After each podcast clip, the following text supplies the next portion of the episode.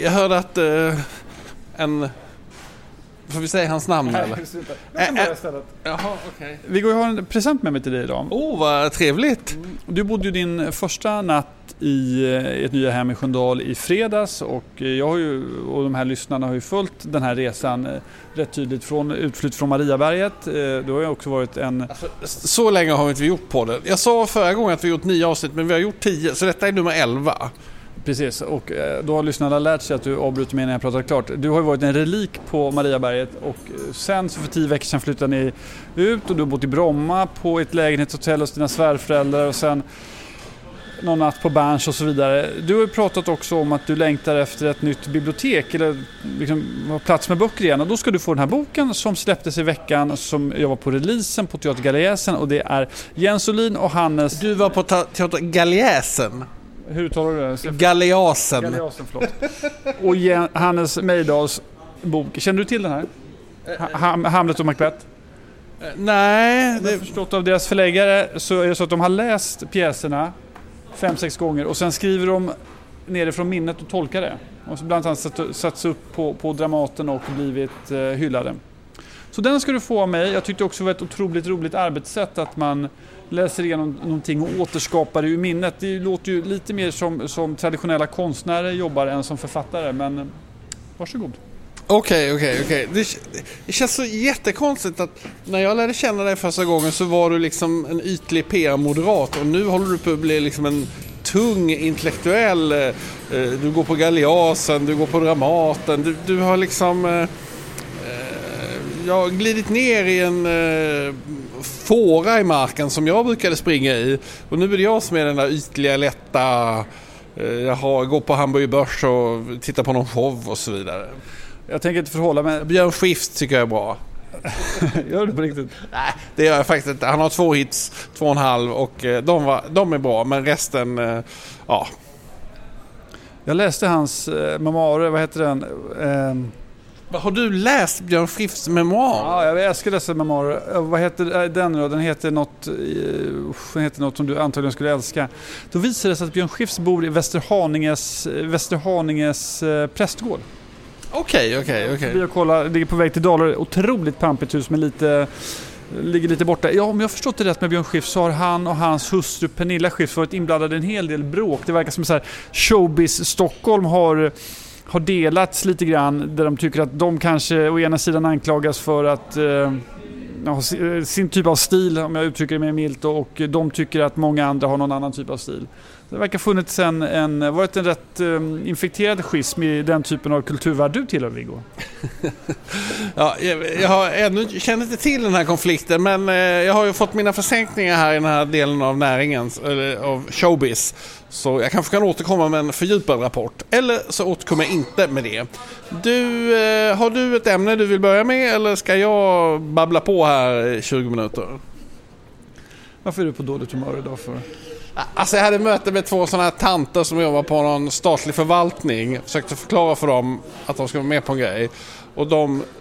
Jag tycker ju om man jobbar i statlig förvaltning så borde man, eller kommunal eller landsting eller region, så borde man fatta, jag är en serviceorganisation för, jag, jag är här för att serva. Alla människor alla människor har ju egentligen ett servicejobb.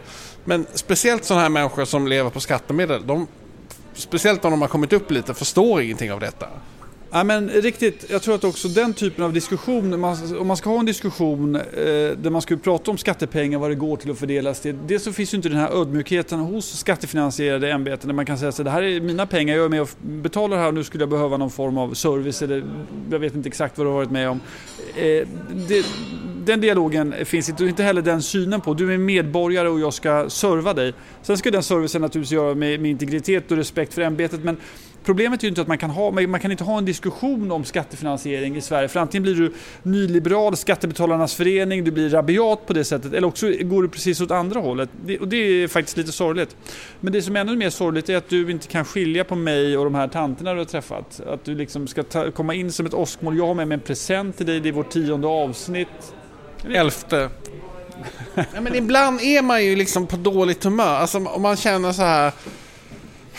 Ja, men, det, alltså, vi lever ju, Sverige har utvecklats sin entreprenörskultur och det finns mycket entreprenörer. Och det finns ju inget roligare än när man som tycker att man själv är entreprenör träffar en annan entreprenör. För då går det så jävla fort, det är så roligt. Man, du vet, nu, nu, nu pratar jag, jag ringde precis här innan till eh, Tina Svanell som är, jobbar på Stureplansgruppen. Men du vet, hon svarar alltid efter en signal. Sådana människor, de borde ju de är ju helt underbara. Svara bara i din telefon. Det är så många människor som aldrig svarar i sin telefon. Jag håller med om det. Det finns ju ett dagsfärskt exempel på det du är inne på nu lite grann. Eh, där man upplever att man inte får vara entreprenör eller inte får kraft och eh, sen kommer tillbaks till fadershemmet och då tänker jag naturligtvis på Breakit som på pappret grundades på Dagens Industris redaktion men när Olle Aronsson och Stefan Lundell ville eh, starta det här och sa så här, vi vill äga någonting i det, då säger Bonnier själva, klipp till igår var det va? Och fem år senare eller något sånt så kryper Dagens Industri till korset och blir delägare i Breakit. Det här är ju för dig och mig som har en gammal, dels Bonnier-bakgrund men också för en media, då mediebevakande tidningen Resumé en stor nyhet. Varför tror du att Dagens Industri har Eh, ändrat sig och nu eh, köper Breakit, delar av Breakit. Nej, men Breakit har ju bevisat sin affärsmodell. De omsätter väl en 35 miljoner och eh, gjorde 5-6 miljoner i vinst. Det är ju ett attraktivt spännande litet företag som om Dagens Industri sätter alla sina klor i det här maskineriet kanske kan öka till en 60-70 miljoner i omsättning. Och då är vi ju framme vid den enda fråga som jag eh, håller mig sömnlös. Hur mycket pengar fick Stefan Lundell som är huvudägare? Han äger en lite större bit än eh, vad heter det, Ulla Aronsson alltså sen så de här små pluttägarna. Jag var ju väldigt intresserad av att köpa in mig för 250 000 eh, back in the days men som vanligt eh, när jag ska göra en bra affär så eh, ja, låter jag bli helt enkelt. Hur mycket pengar tror du det blev? Eller kommer, hur mycket kommer Stefan Lundell och Ola Aronsson att casha hem? Alltså vad tjänar de? Man vill ju veta vad de tjänar. Man vill veta vad de tjänar, ja precis. Vad ska vi gissa här? Jag, skulle, hur mycket, hur mycket? jag tror Stefan Lundell för minst 25 miljoner. Vad tror du? Nej, det tror inte jag han får. Hur mycket, förlåt, hur mycket? Men alltså de här pajsarna som startade det här fastighetsbladet, eh, som i och för sig mest är en konferensaffär, de fick ju uppåt en 100 miljoner. Ja, det... Så skulle inte de här killarna då kunna få åtminstone 25 miljoner? Jag brukar ju säga som jag brukar, familjen Bonnier betalar, de har råd. Jag tror att de kanske i så fall får dela på 25 miljoner. Det som är intressant... Alltså 12 miljoner, är det verkligen... Du vet, jag har precis köpt en, eh, ett, ett skabbigt radhus här ute i förorten. Det får man ju knappt för 12 miljoner.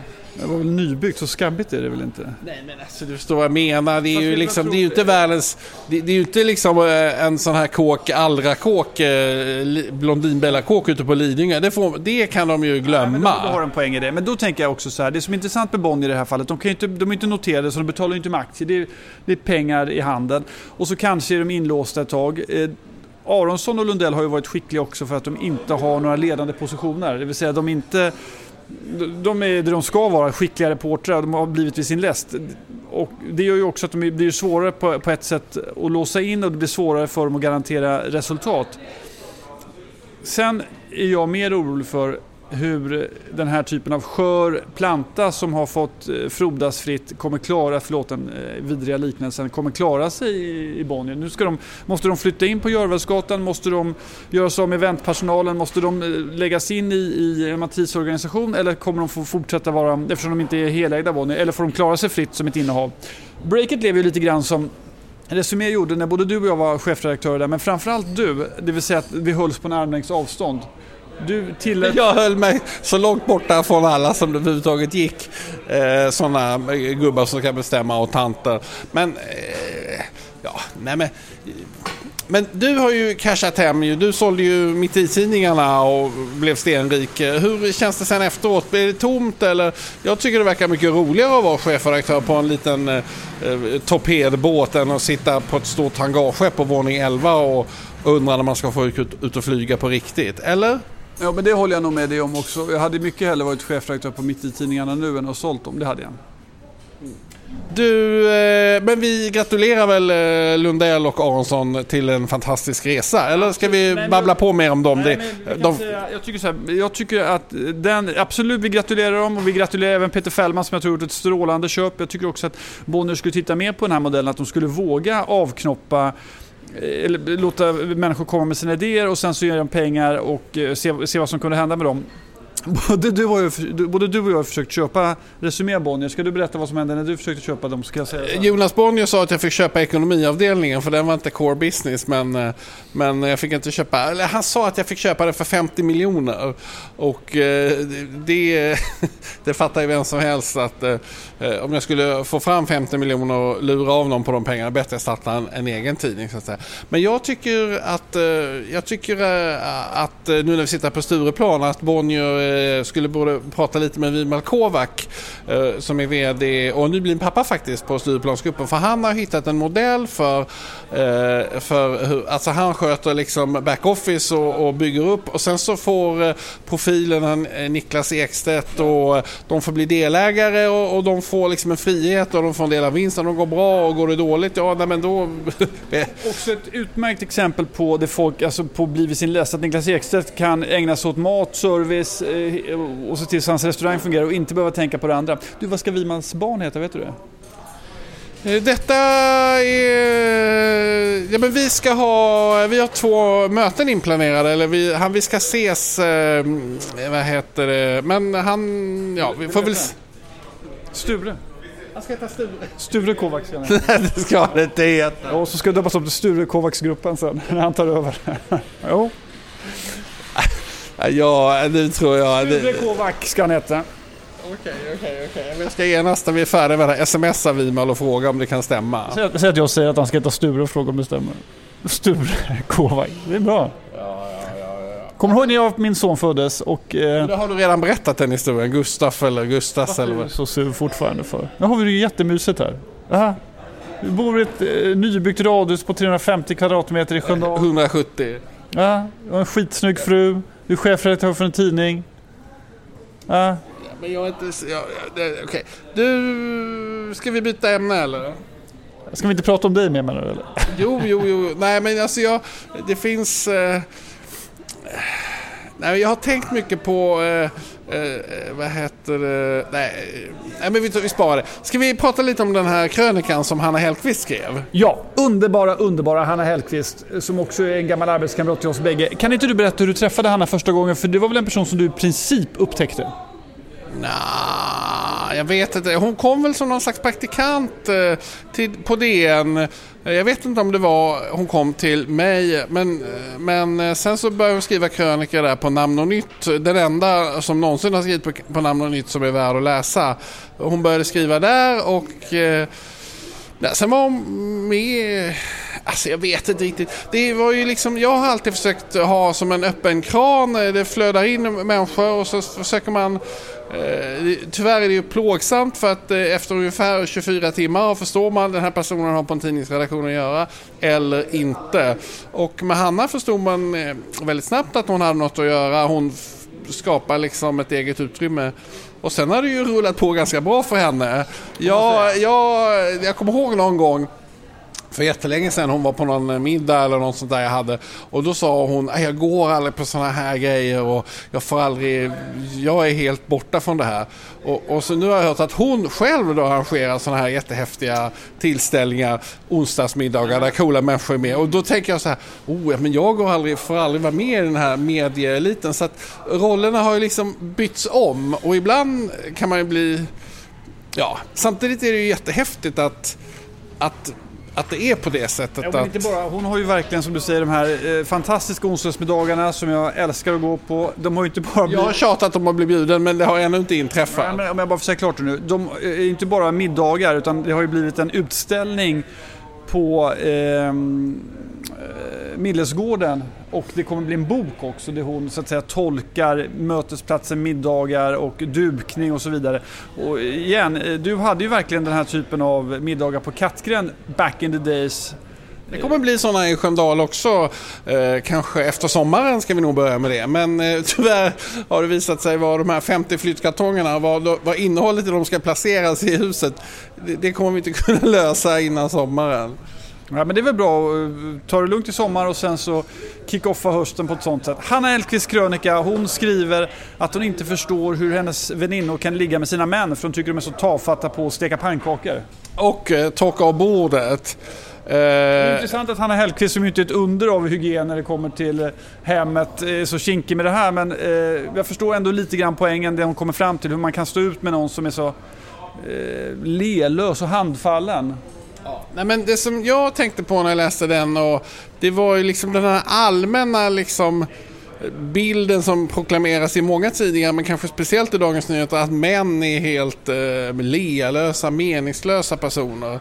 Och, och då har jag tänkt att kanske är det lite också så att de här manliga skribenterna Alex Schulman, Patrik Lundberg, eh, han den här Joel eh, Kristna, de är också lite lealösa. Alltså på något sätt så skulle det behövas eh, ja, men en, en grabbig man som på något sätt stod upp lite. Tyvärr så hade vi ju Paolo Roberto, men han gjorde ju bort sig fullständigt. Men lite mer, lite, lite mer sådana röster skulle jag gärna vilja ha i debatten. Vem skulle som, vara den rösten?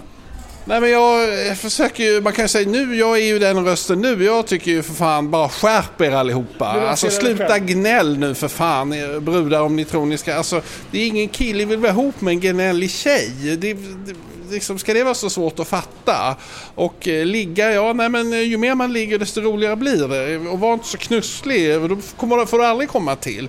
Det är lite sådana grejer som jag tycker Ja, eh, alltså tänk om Björn Wiman skulle skriva något sånt. Det, liksom, det skulle ju... Det skulle, ju börja, det skulle ju börja brinna inne i huvudet på Dagens Nyheter. Är du nya grabbarna på Fagerhult nu? Alltså, grabbarna på Fagerhult. Jag tror faktiskt att, alltså, att eh, stå upp för lite cool, rolig, häftig, bra manlighet och uppmana alla de här eh, tjejerna som gnäller, gnäll lite mindre, prata lite mindre om ADHD och psykisk ohälsa. Prata om var lite cool, var lite häftig.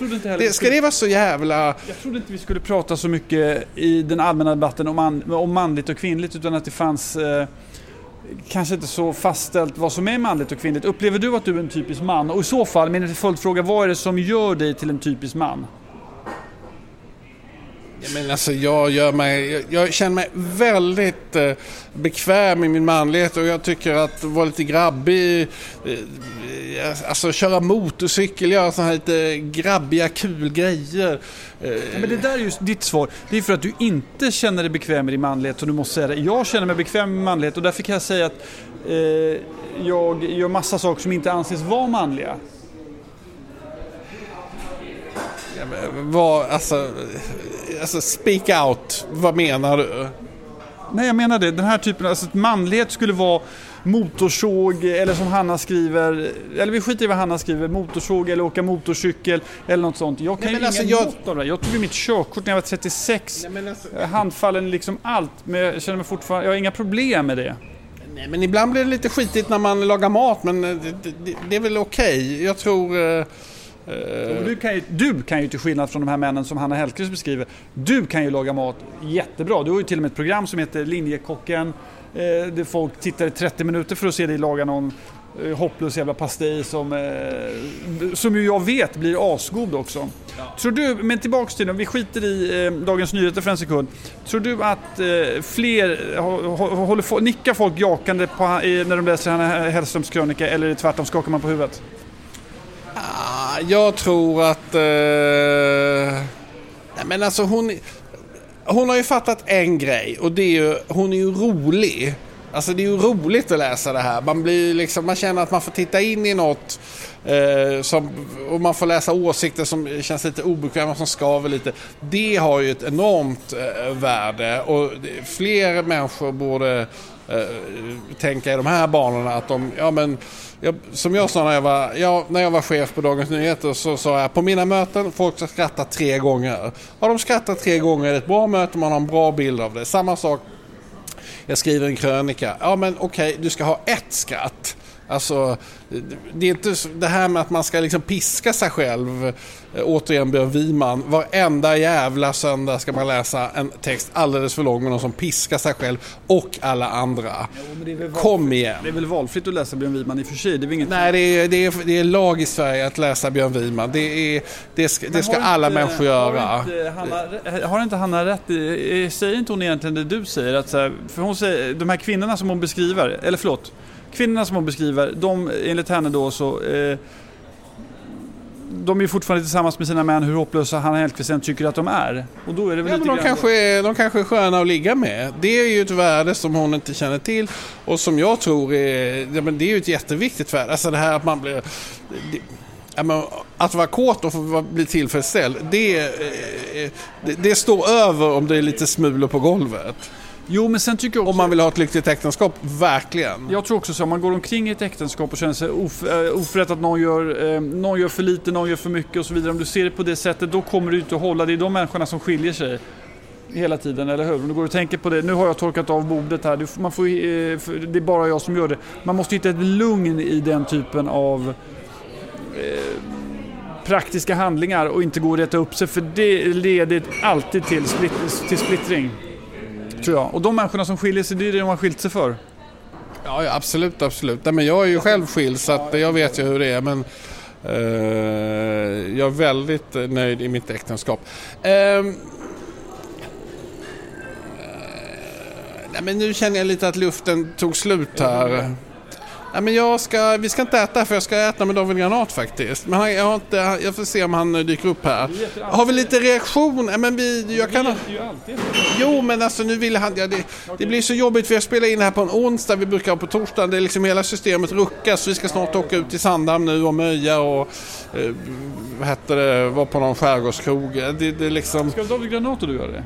Nej, jag, först ska jag och David Granat äta lunch och sen ska hela familjen åka ut till eh, Eh, Sandhamn och Möja där eh, Annas eh, döttrar ska driva en restaurang på Möja hela sommaren så vi ska typ Friends and Family treat. Vad härligt det låter. Det ska väl bli rätt bra väder ändå, eller hur? Absolut, men då, ja, vi ska dit och vi kommer säkert vara jättemycket ute på Möja så att eh, boka in er redan ni, nu. Ja. ja. men borde inte ni ha 50 kartonger att packa upp? Ska inte ni vara hemma och reda upp det här istället för att åka ut till Möja? Jo, men om det är Friends and Family och Annas eh, två döttrar och den enes kille ska driva en restaurang. Då får man sluta med lådorna och så åka dit helt enkelt. Ja, det tycker jag låter klokt Viggo. Det är snyggt gjort. Jag håller med dig helt. Har vi några reaktioner på podden? Du sa att folk gillade det senaste avsnittet. Jag känner mig lite orolig nu för det här avsnittet, eller? Jo, men det tror jag också. Men eh, jag tror det här är ett riktigt jävla bottenavsnitt. Alltså, det, Ja, men det här avsnittet är lite som, jag tänker att vi är som Malmö FF. Du vet, vi leder allsvenskan, vi är liksom de absolut coolaste poddarna i, i Sverige. Och den här, det här avsnittet är lite som Halmstad-matchen. Du vet, liksom Malmö lyckades sparka in en boll i 95 minuten. Har du, är du med här på de här liknelserna? Nej, jag är inte så manlig som du så jag kan inget om fotboll. Jag skulle säga i så fall, det lilla kan vi är med Degerfors. Vi är inte med i någon liga alls, men folk tittar ömsint på oss och tycker att det är kul att vi försöker. Skulle vi varit Degerfors? Alltså jag är helt... Uh... Eller som Marianne Lindberg De Geer säger, Degersfors. Som för övrigt ligger utanför Motala, det riktiga Degersfors. Men det är samma, det bygger på familjen De Geer, bägge två. Du, eh, och med detta så känner jag mig helt färdig. Nu öppnas dörrarna här på Rish och vi ser hur eh, gästerna cirklar runt dörren. Tack så mycket! Tack, tack!